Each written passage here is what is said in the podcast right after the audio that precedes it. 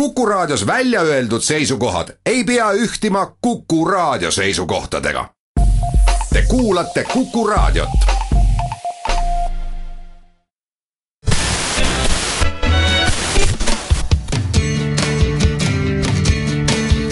Radio Talsinki. Radio Talsinki ja unikaalsed Eesti lood toob teieni Solosokos Hotel Estoria. Radio Talsinki Tervetuloa jälleen Radio Talsikin ohjelman pariin ja Kukkuradion aalloille ja myöskin nyt sitten SSS-radion laineille. Joo, me ollaan nyt internetin lisäksi sitten kuulutaan tuota radioaalloilla Tallinnassa. Taajuus on 92,4 MHz. Jep, silloin yöllä aloiteltiin ohjelmaa ja kokeiltiin tosiaankin, että miten me saadaan tämä radiotoiminta kuntoon, niin nimenomaan lähdettiin sen takia yöllä liikkeelle, ettei pahemmin töppäiltä sitten tuota päiväsaikaan. no, kyllähän tässä kaiken näköistä pientä on ollut, mutta kyllä me tämä kuitenkin alku ollaan saatu. No asiahan on näin, että aina on pientä säätöä.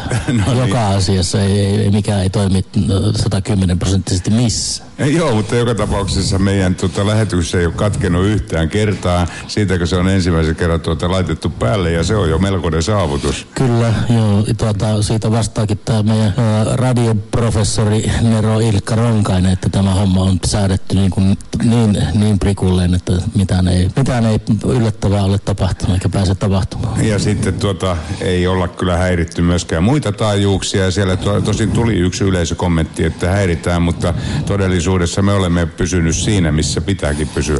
Joo, sieltä Ilkka ilmoitti, että kaikki on säädetty niin kuin pitää ja, ja tuota, radio ei voi häiritä, että se jos on jotain häiriötä, niin johtuu lähinnä siitä, että siinä vastaanotossa ja vastaanottimessa on jonkunlaista, joko se on heikkolaatuinen tai sitten siinä on jotain vikaa. Mä huomasin se itse tuolla mm, e, eilen tuolla mm, Tallinnan keskustassa kävelin ja tuota, sinne sitten kun mulla on tuommoinen kännykkä, vanha kännykkä FM-radio ja huonot noin korva klapit, jotka toimii siinä anteenina, niin sinne meidän lähetyksensä kanssa tuli muita lähetyksiä aina sillä vilahteli äh, silloin tällöin, että se on ihan siitä laitteiden huone, huonoudesta kiinni toi asia.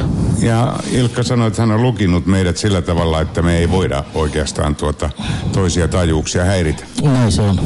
Eli tuota, siihen on tosiaankin panostettu, että me häiritse toisia taajuuksia, mutta sitten toiset taajuudet saattaa häiritä meitä. Joo, ja sekin on ihan normaalia.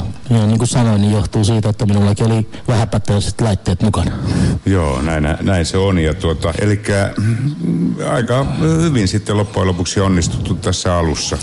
Kyllä, ja niin mä sanoin, että Ilkka, Ilkka joka tässä nyt tämän tekniikan järjesti ja sääti on niin pitkän linjan radiomies ja pystyttänyt niin monta radioasemaa ja kuuluu noihin radioamatöörien Suomen parhaisiin ja kaikki, kaikki tämmöistä, niin tämän, tämän vuoksi niin asiat on kunnossa ja, ja tuota paperit mukaan.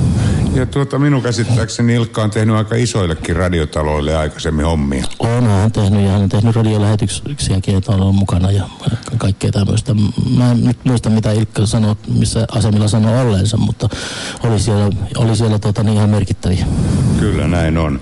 Ja ohjelmiahan meillä on kaikenlaisia muitakin kuin Radio Talsinki-ohjelma.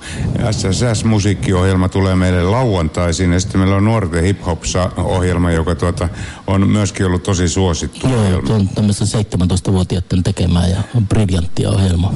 Niin, se on aika metka. Tota, taitaa olla muuten ainoa sellainen, että en usko, että kovinkaan muu radioasema edes tuota, päästäisi sinne eetteri 17-vuotiaita poikia. Joo, mä luulen, että varmaan jotain nettiradioissa voi ollakin, mutta radioaaloilla tuskin, tuskin täällä Tallinnassa on sellaista, sellaista ohjelmantekijää tällä hetkellä.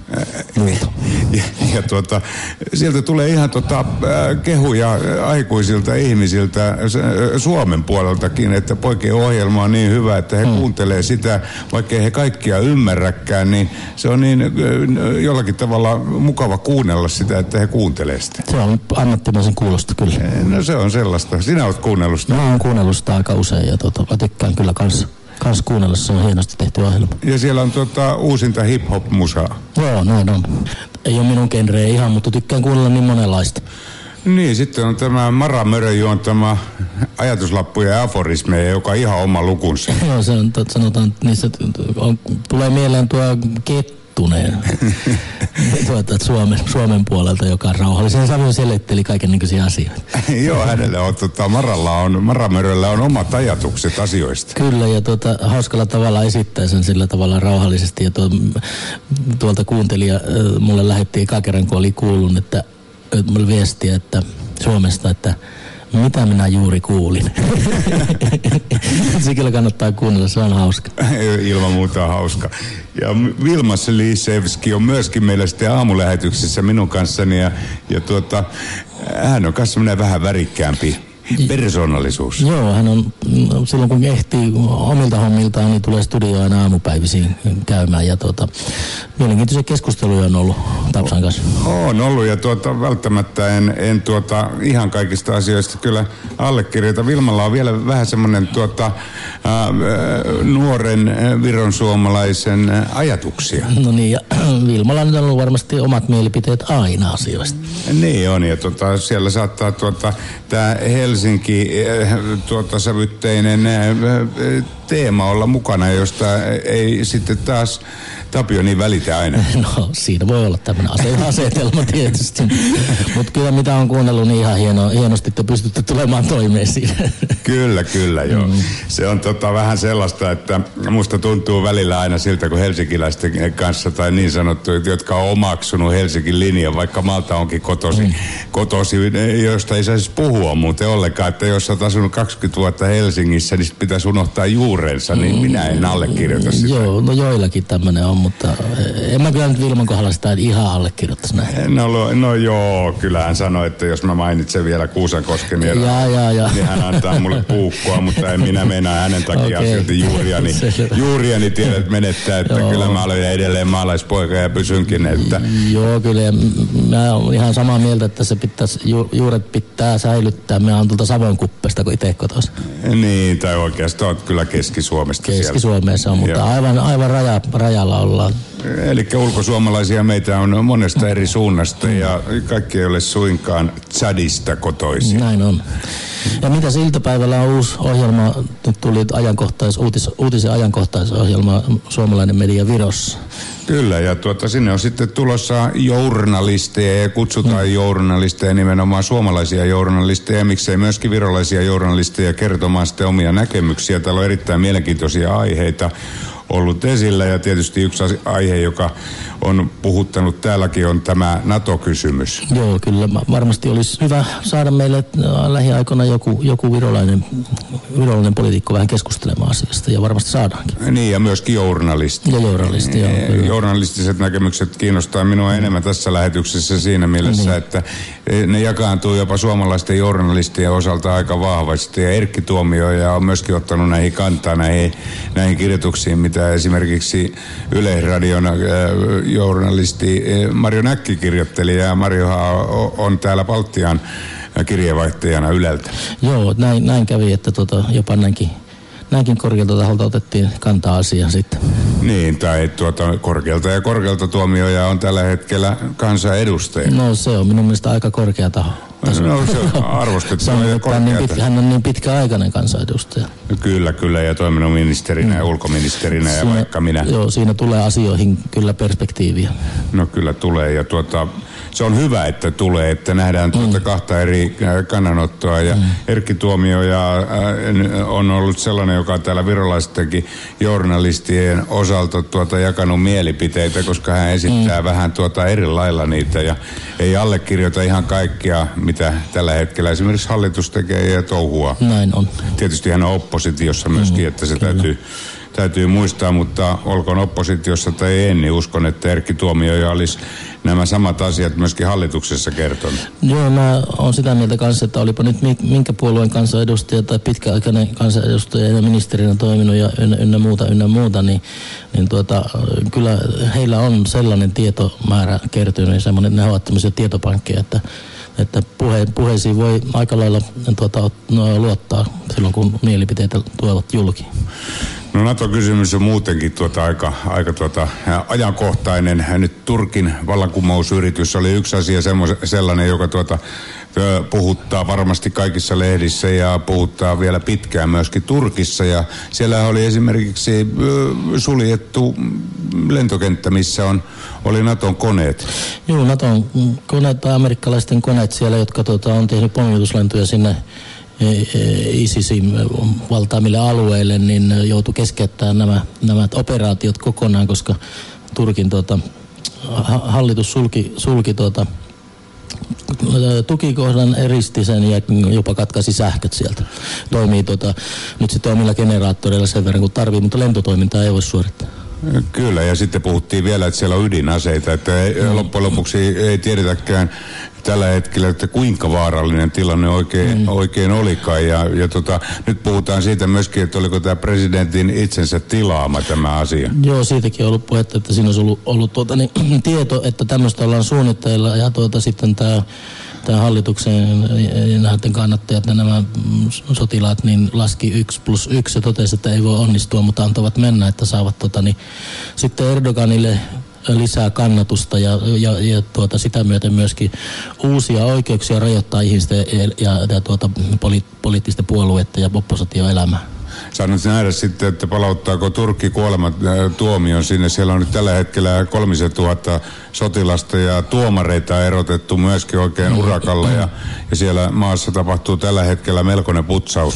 Kyllä ja tuota, joku asiantuntija sitä kertokin, että on hyvin suuri vaara, sisällissodan vaara jopa. Maa on pahasti jakaantunut, mm. se on aivan selvä asia ja, ja tuota, me, meillä, mehän, meillähän ei ole paljon tehtävää kyllä sen asian eteen. No ei, ja, ja tuota voi olla, että Turkin haaveet EU-jäsenyydestä päättyy tähän. No ei, ei missään nimessä voi Turkkia ottaa, ottaa tuota Euroopan unionin jäseniksi. Kyllä tämä on aika selvää pässilihaa. Ei näin, niin epävakaata maata voi, voi hyväksyä. Ei, ei voi. Mutta me pidetään pieni ta- tauko tässä välissä ja laitetaan suomalaista musiikkia soimaan hyvää sellaista ja jatketaan sitten Kukkuradion aalloille ja Radio Tausikin ohjelman parissa.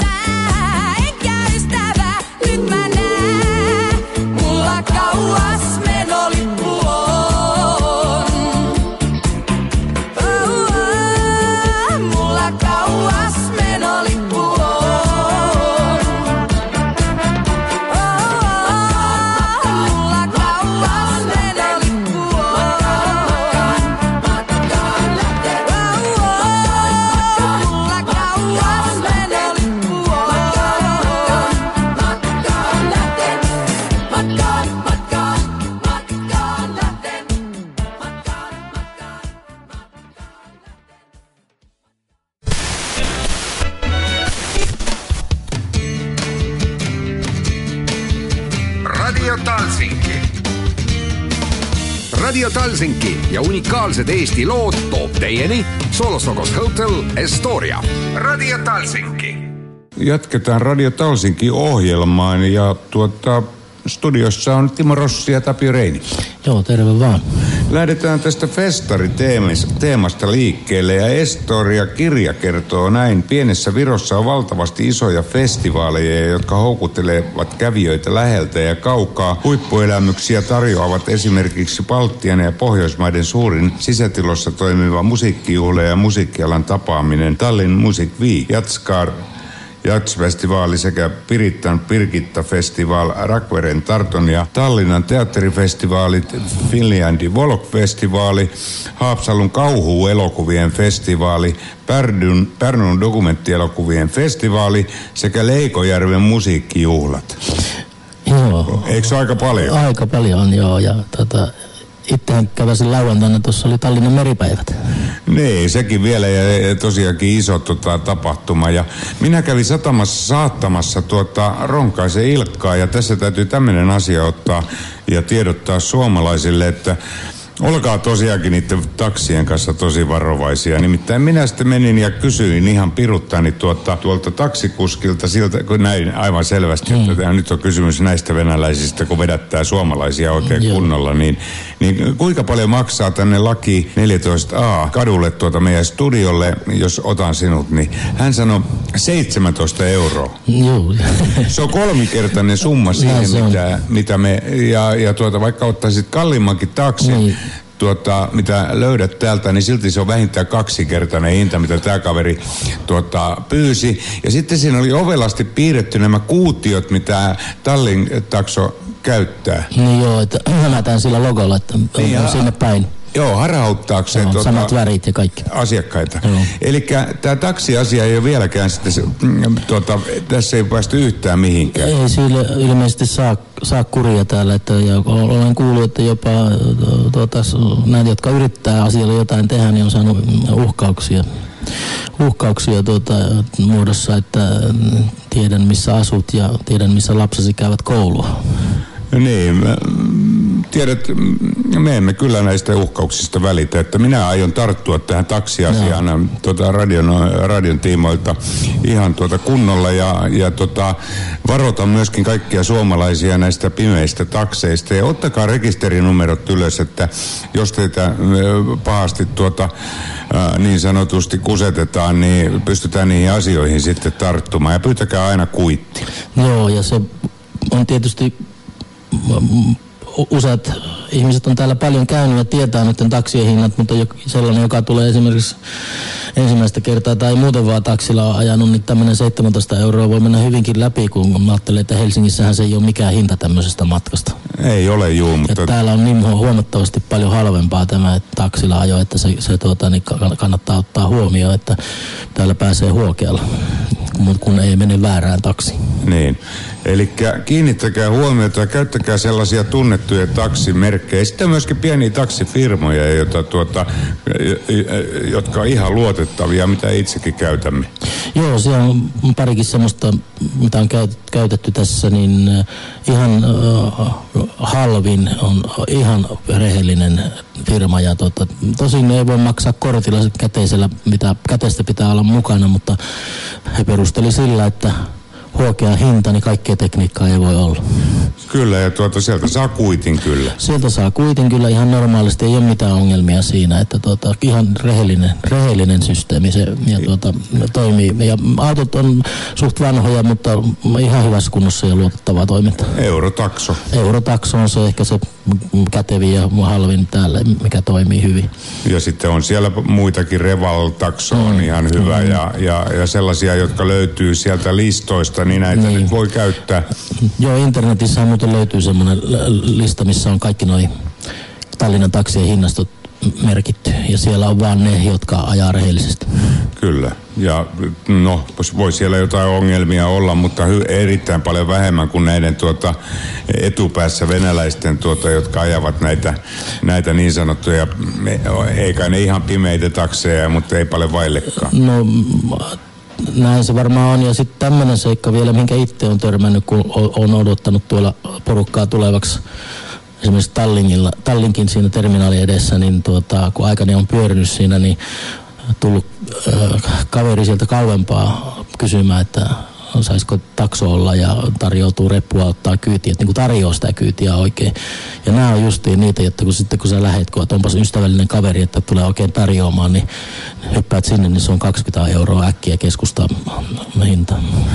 Ei missään nimessä siis sellaisiin takseihin, kun teille tarjotaan ja tarjotaan reppua kantamaan, niin älkää hypätkö missään nimessä mm. niihin takseihin. Melkein mä suosittelisin siinäkin Tallinkille, jos tulee, niin Tallinkin omat taksit on siinä, Tallink Takso siinä vieressä. Se on vähän kalliimpi kuin nuo halvimmat, mutta varmasti oikea hinta kuitenkin, se mitä mm. ikkunassa lukee. Ja nyt kun oli nämä meripäivät, niin he olivat ajaneet eh, ne taksinsa ihan siihen viereen, että varmasti tuota... Aivan. E, e, no, niillähän ei olisi lupaisi olla siinä. Ei varmaan olisikaan, mutta niitä nyt ei tunnu saava kukaan pois. Mm. Luulisin nyt, kun täällä on NATO-panssareita ja kaikkia muita, että ne saataisiin siitä pois, että jysäyttäisi ne kerralla siitä, siitä tuota sanois, menemään. Että, sanois, että no niin, pistäkäs tota, jalkaa toisen eteen, että ampu tulee. Niin, tai sitten vaan ajas niiden yli ihan kylmästi sanoisi, että tuota, ulos sieltä autosta, että romutellaan näitä vähän tässä näin. Tämä onkin huomattu laitonta touhua, niin nyt takavarikoidaan nämä tuota, niin, tällä te, tavalla. Tehdään näistä kilupurkkeja näistä, no. tästä metallista, mikä tästä nyt tuota, löytyy. Se olisi niin kuin kaikkein tehokkain tapa mun mielestä puuttua mm. tähän taksiautoiluun täällä ei, mm. ja eikä, eikä nyhyverettäisi enää sitten näillä asioilla. No, mun mielestä se olisi äh, auto ulos mitataan, jos on väärinkäytöksiä. Ja niin välittömästi. Välittömästi. Se loppuajelu. Niin. Mutta tosiaankin toiset sitten pelkää, että nyt kerromme kotiosoitteen kaikille, että jos et suostu maksamaan väärin, väärin tuota, 60 euroa minulle, niin sitten mm. huonosti tuota, käy. Tai puutu tähän asiaan jos semmoiseen kyytiin joutuu, niin semmoista ohjetta on ehdotettu, että pyytäisin kuitin. Useinkaan sitä ei kyllä suostuta antamaan, jolloin ei ole pakko maksaa, mutta sitten siinä on tietysti se, se tuota, vaara, että sen kuljettajan kanssa joutuu jonkunnäköiseen konfliktiin siinä. Mutta ilmoittakaa myöskin meille radioon, kun teille tulee tuota Facebook-sivuille. Kirjoitelkaa, ottakaa rekisterinumero ylös. Me alamme kokoamaan niitä, jos on väärinkäytöksiä ollut. Mm. Ja sitten myöhemmin katsotaan, että mitä näillä tehdään. Ja me ilmoitellaan niistä eteenpäin myöskin. Et, ja seurataan tilannetta, että puututaanko näihin asioihin ja ajetaanko näitä asioita eteenpäin. Kyllä se matkailun kannalta olisi hyvä asia, että tämmöisiä ei tapahtuisi. No kyllä, ja tuota, ilman muuta meidän täytyy suomalaisille turisteille, joita täällä käy tuhansia, mm. niin jollakin tavalla auttaa tässä asiassa Kyllä. tai puuttua tähän asiaan ja tiedottaa, että ketä ja mitä turistit, turistien kannattaa täällä Virossa käyttää ja tulemme tekemään parhaamme sen, sen asian osalta, radion osalta. Kyllä. Kyllä, kyllä. Ja tuota, täällä muuten Estoria-kirjassa luki nyt, kun lähdettiin vähän rönsyilemään tässä asiassa jälleen. No, no se on Timon kanssa meillä usein käy tällä no, tavalla. Näin se, se olla. Virossa on teattereita paljon ja tuota, yksi 1,3 miljoonaa ihmistä tämä Estoria-kirjan mukaan. En tiedä kuinka paljon se väkimäärä on vähentynyt mm. tällä hetkellä, että paljon maasta on mu- muuttanut sitten tämän jälkeen pois. Niin jokainen virolainen käy yhden kerran vuodessa teatterissa. Joo, se on kyllä suuri määrä ja mä luulen, että Suomessa ei ehkä näin, näin paljon kuitenkaan teatterissa kävijöitä ole suhteutettuna. Niin kuin... Niin kuin monta kertaa sä kävit elämässä teatterissa Suomen puolella? No... Sano Timo ilkeenkin mä sanoin, että jos kymmenkunta kertaa on käynyt, niin hyvä.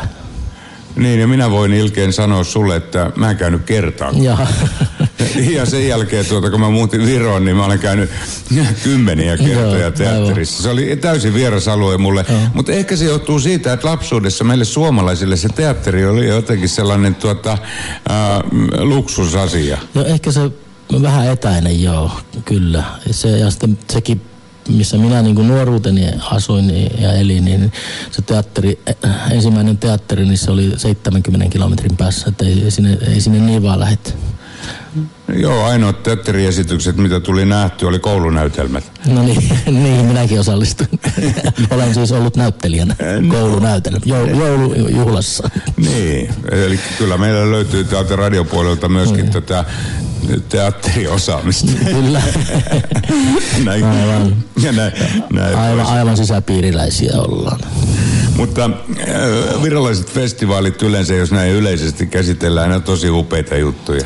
Hyvin hoidettuja juttuja ja upeita juttuja ja kukaan ei yleensä, tuota, hyvin harvoin kukaan oksentaa sinun päälle niissä. No sitä mäkin tuossa lauantaina, kun mä siellä mä itse asiassa sen satamassa, matkustajasatamassa vaan oli, että en mä sen, niillä muilla, muilla paikoilla siinä käynyt, mutta tuota, kun ajattelin sitä, että kun su, minkälainen maine esimerkiksi Suomessa Kotkan meripäivillä on, se, sehän on tota, siellä poliisi vie putkaa porukkaa pilvin pimein ja siellä riehutaan ja tapellaan, mutta nyt kun mä tuolla satamassa kattelin sitä touhua, niin aivan semmoinen normaali meininki. Ihmiset käveli siellä ja katteli siellä mitään, mitään tämmöistä ilmiötä oli, että sinne tullaan niin Kotkan meripäiville muutamaksi päiväksi ryyppäämään. Niin ja yleensä on sillä, sillä tavalla, että olen itse ollut yhden kerran Kotkan meripäivillä, että pitäisi niin juoda pullo kirkasta viinaa ennen kuin lähtee sinne, että olisi mahdollisimman sekaisin ennen, ettei tiedä yhtään, mitä siellä tapahtuu. Ja sitten joku,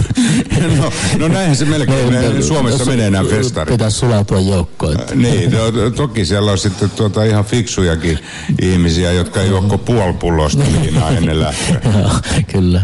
Siellähän ei siinä tuossa alueella, itse alueella ei ollut, ollutkaan sitä anniskeluakaan, että se oli siellä sitten ne baarit piti terasseja auki siinä, eikä niillä terasseillakaan kyllä hirveästi ihmisiä siinä ollut. Että keskittyivät sinne, sinne, itse sinne markkino, markkina tota, teltoille ja mitä siellä tapahtui. Siellä, siellä oli se suuri osa porukasta. Niin, mutta en tiedä sitten, tuota, tuliko nyt vähän mm, liian julmasti sanottua suomalaisista festareista? No on ne siistiytynyt, että ei sen puoleen, että kyllä niin kuin rockfestaritkaan ei ole enää semmoista rymyämistä ja mä muistan tuollakin Saarijärvellä, en muista mikä sen festarin nimi on, sitä ei enää, enää ole pidetty pitkää aikaa, mutta se oli ihan semmoista äh, suoraan sanottuna, niin mäkin olin nuori mies, että kuuntelin musiikkia, mutta en mä halunnut mennä niille festareille. Ja siellä joka, joka tuota kerta siihen lämpeen hukkui yksi kun lähti päissään uimaan nahkatakki päällä sitä ylitä. Niin näyttämään, että mihin pystyy. Niin, että se oli tämmöistä. Niin, mutta nykyään kyllä Suomessakin festareilla voi joku, joku viides olla ehkä selvinpäin tai siedettävässä kunnossa. On, mutta kyllä on kuullut, että se ei ole enää semmoista ei ole ihan semmoista rymyämistä kuin silloin aikana, kun minä olin nuori. No se olisi hyvä asia. Kyllä. Pidetään pieni tauko tässä välissä ja laitetaan jälleen upeaa suomalaista musiikkia tähän väliin. Ja palataan sitten jälleen Kukkuradion aalloille ja Radio Talsinkin ohjelman pariin.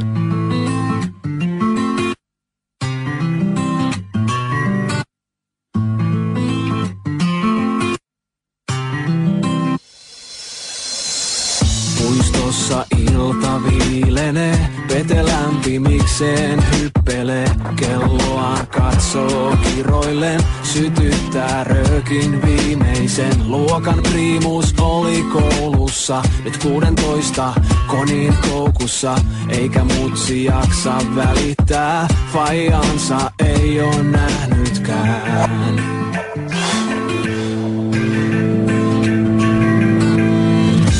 Pitää huolen itsestään. Eilen sai viestin friendiltään. Nyt ois helpot massit tiedossa Jos tuut mukaan nähdään puistossa. Vete pystyy nostaa kaulukset Ja kiskoo sauhut viimeiset. Vielä kerran miettii mielessään Ei oo mitään menetettävää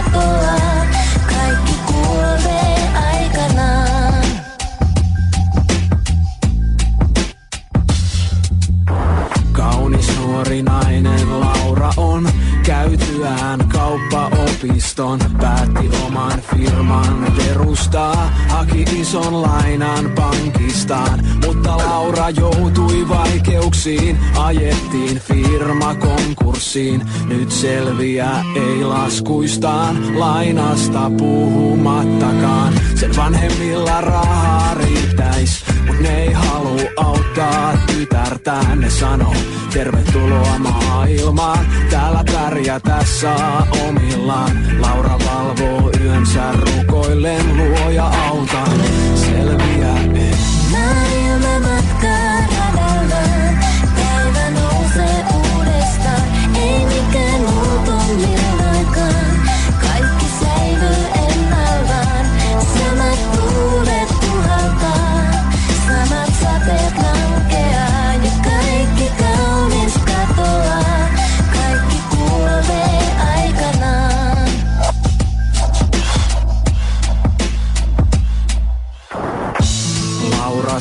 Saapuu prätkällään, sen puiston laitaan pysäyttää. Vete nousee taakse istumaan, kumpikaan ei sano sanaakaan. Ja he ajavat pihaan huvilan, Laura avaimensa ojentaa. Ja Peteä vielä muistuttaa, missä mutsi pitää korujaan. He luulivat jo selvinneensä, kun Laura näkee peileistänsä. Kuinka valot siniset välähtää vaatien pysähtymään. Laura kääntää kahvaa huutaen, pidä kiinni Petri Ruusunen. Aamulla lööpit hehkuttaa ja hetken he ovat legendaa. Maailma matkaa radallaan, päivä nousee uudestaan. Ei mikään muutu milloinkaan, kaikki säilyy ennallaan. Samat tuulet puhaltaa, samat sateet lankeaa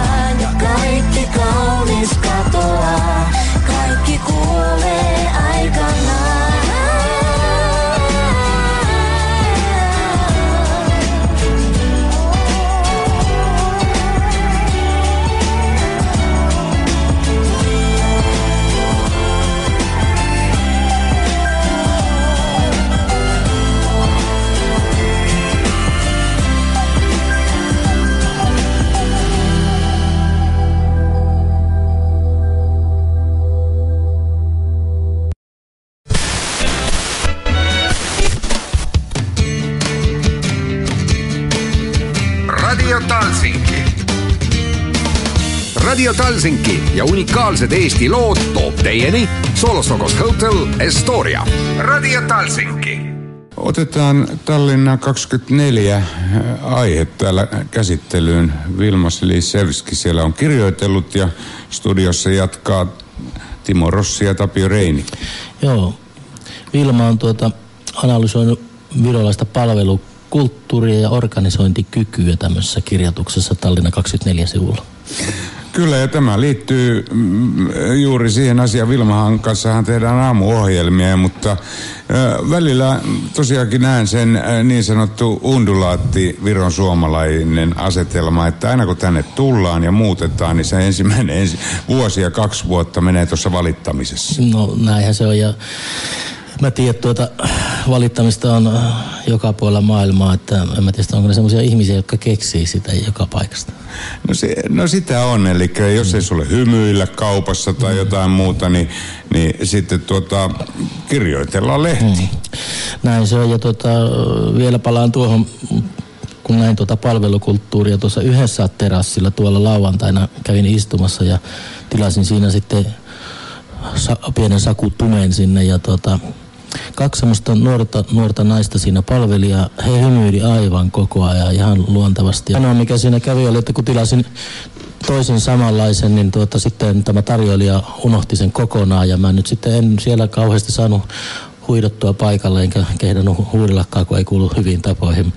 No sitten toinen tarjoilija tuli ja tuota, toisen, mutta siinä välissä tämä unohtanut kävi pahoittelemassa tilannetta ja, ja tuota, oikein ystävällisesti ja sitä ei haittaa mitään. Ja, ja tuota, niin, niin paljon tykkäsin siitä palvelusta, että mä sinne pistin 250 sentin kolikkoa tippiä, mitä ei tule yleensä laitettua, niin, niin molemmille.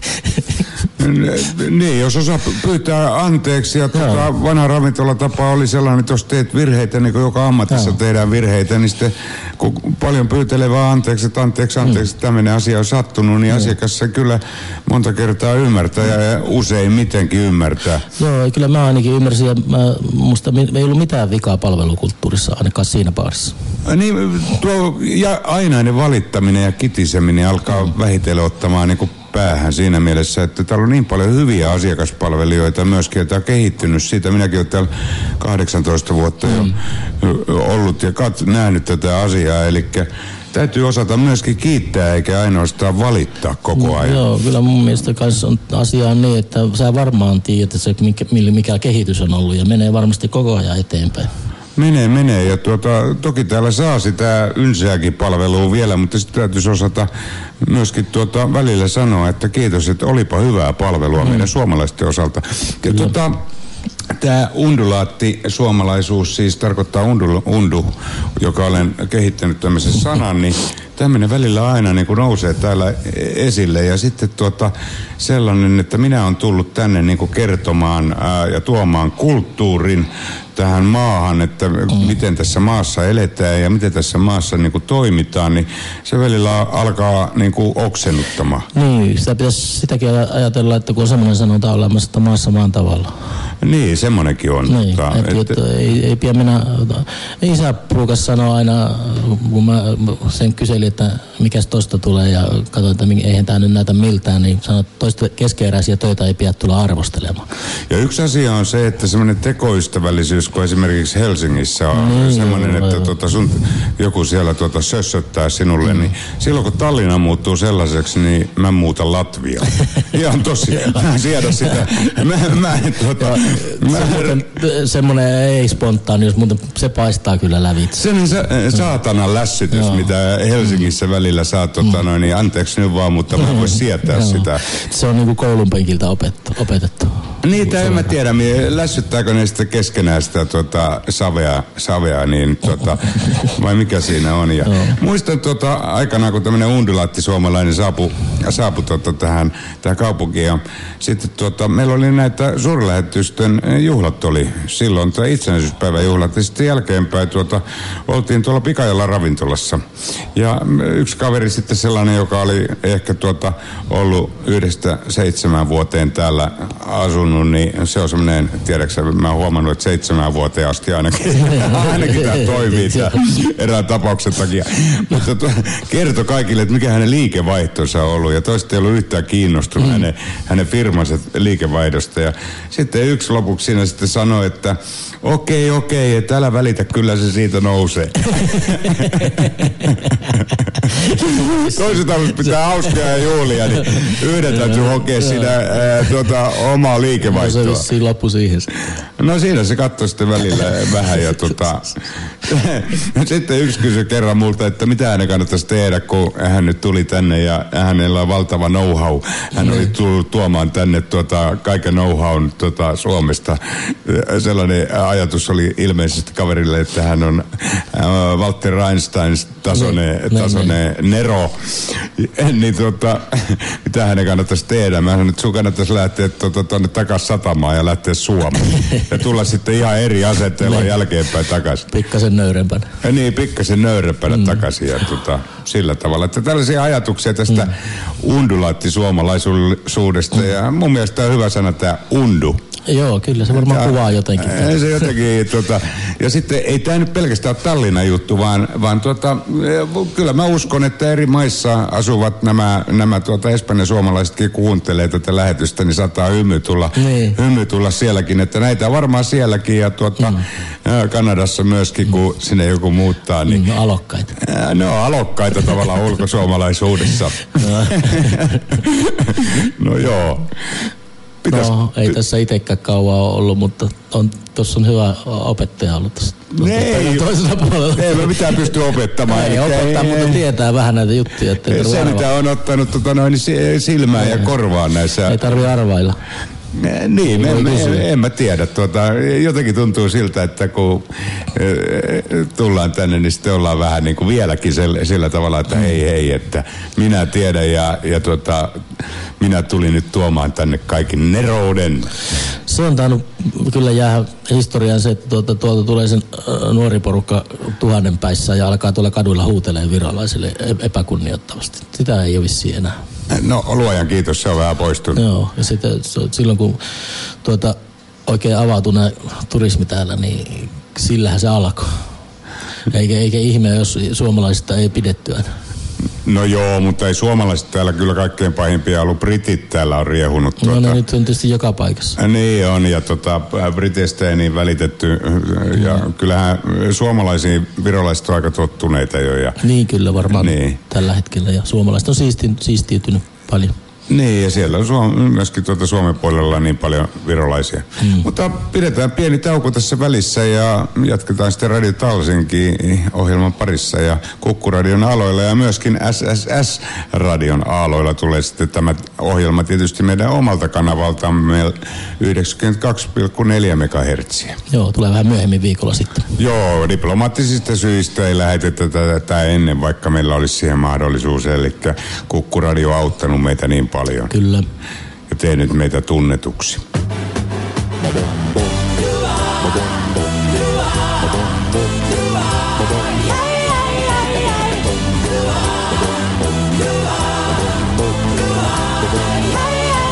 Vain elämää, ei sen enempää. On kaikki tää, koita ymmärtää. Vain elämää, ei sen enempää. Myös kesä tää kohta taakse jää.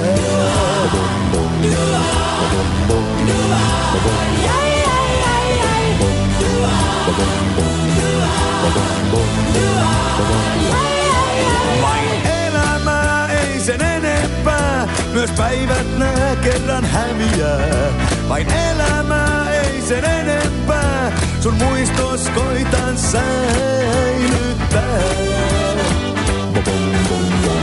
Taas syksy on, on jo lokakuu. Koivikon lehdet kellastuu. Nyt aika on vain edussuudellaan. Vain elämää, ei sen enempää. On kaikki tää, koita ymmärtää. Vain sen enempää. Näin kesä tää nyt jo taakse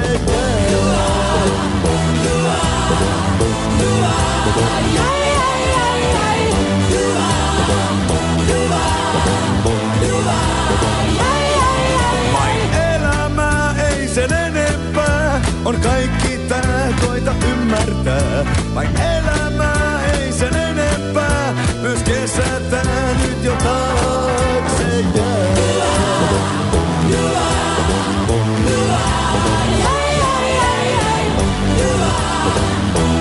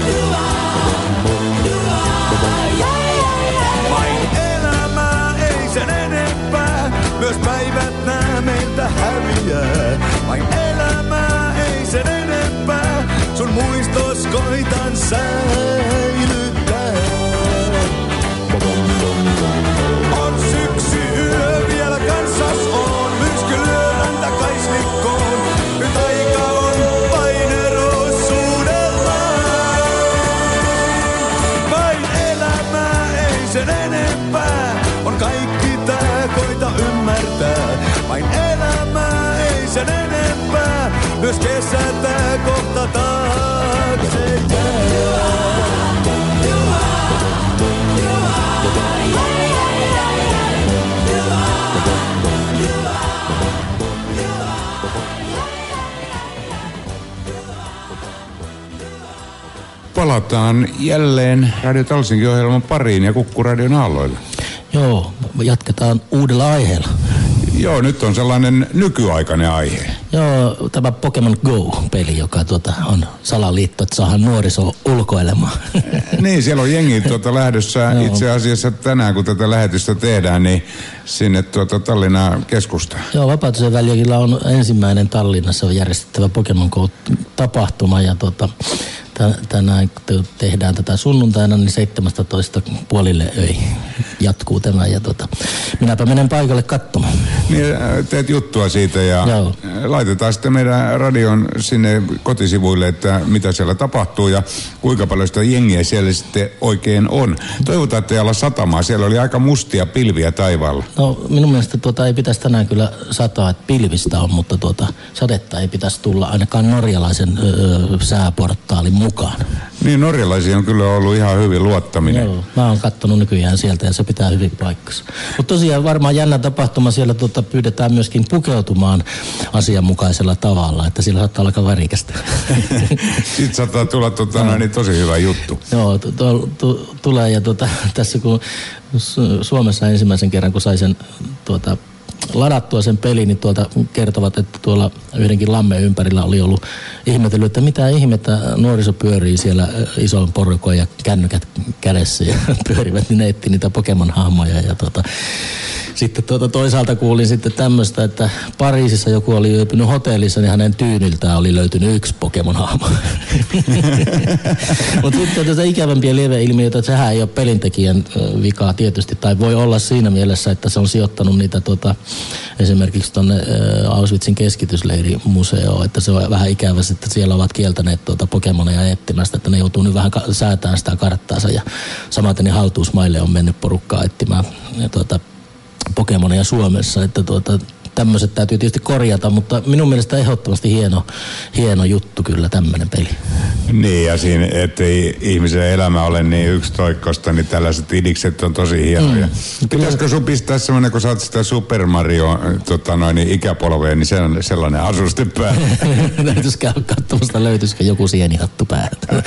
No, minä en ole kyllä itse pelannut paljon, että se oli enemmänkin mun lasten tuota, tuo aikaa se Pokemon-systeemi.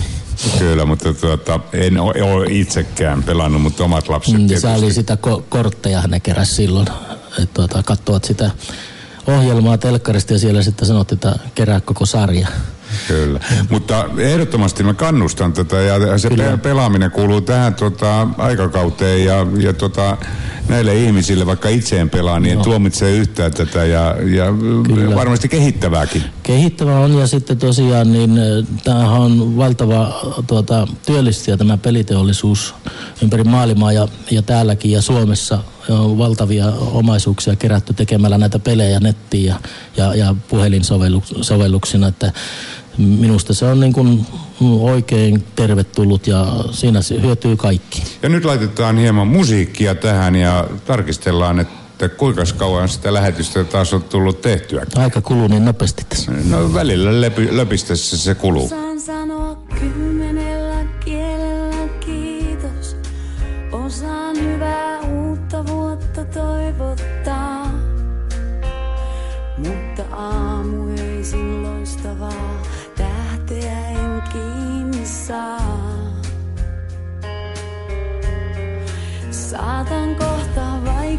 silmästä silmään. Saatan olla hiljaa, jos niin vaaditaan.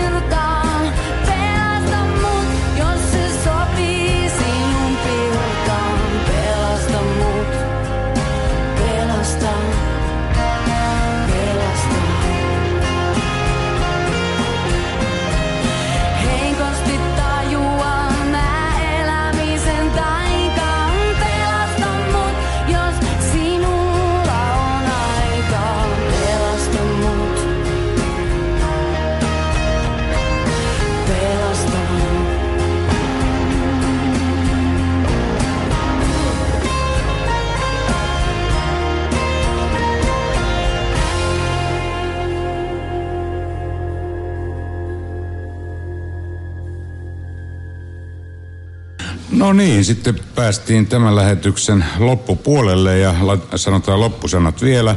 Kuunnelkaa siis Radio Kukusta, Radio Talsinkin ohjelmaa ihan normaalisti tuota, kello 21.00 ja Maanantaisin. niin, ja me lähetetään sitten tämä ohjelma toistona meillä 92,4 MHz meidän sss-radio.ee kanavalta. Sieltä tuota löytyy meidän, meidän taajuutemme ja autoradioissa. Se näkyy siellä SSS Radio alla. Kyllä. Ja tämä SSS tarkoittaa siis Sibelius Sauna ja Sisu ja olemme poliittisesti täysin riippumaton kanava ja meidän takanamme ei myöskään ole mi- mitään isoja konserneja, vaan ihan tavallisista ihmisistä koostuvat, koostuva radio, joka on alkanut tätä aikanaan tekemään ja yhteistyössä virolaisten ihmisten kanssa tämä on upeasti joskus saatu sitten kasattua tässä ajan mittaan. Näinhän siinä on käynyt. Niin, että moi moi ja ensi viikolla sitten taas Radio Talsinkin normaaliin tapaan väkeretään uutta ja tutustukaa tosiaankin myöskin SSS-radio kanavaa ja siellä että näkyy myöskin ohjelmistot meidän kotisivuilta. Näin on. Moi, moi. Moi vaan.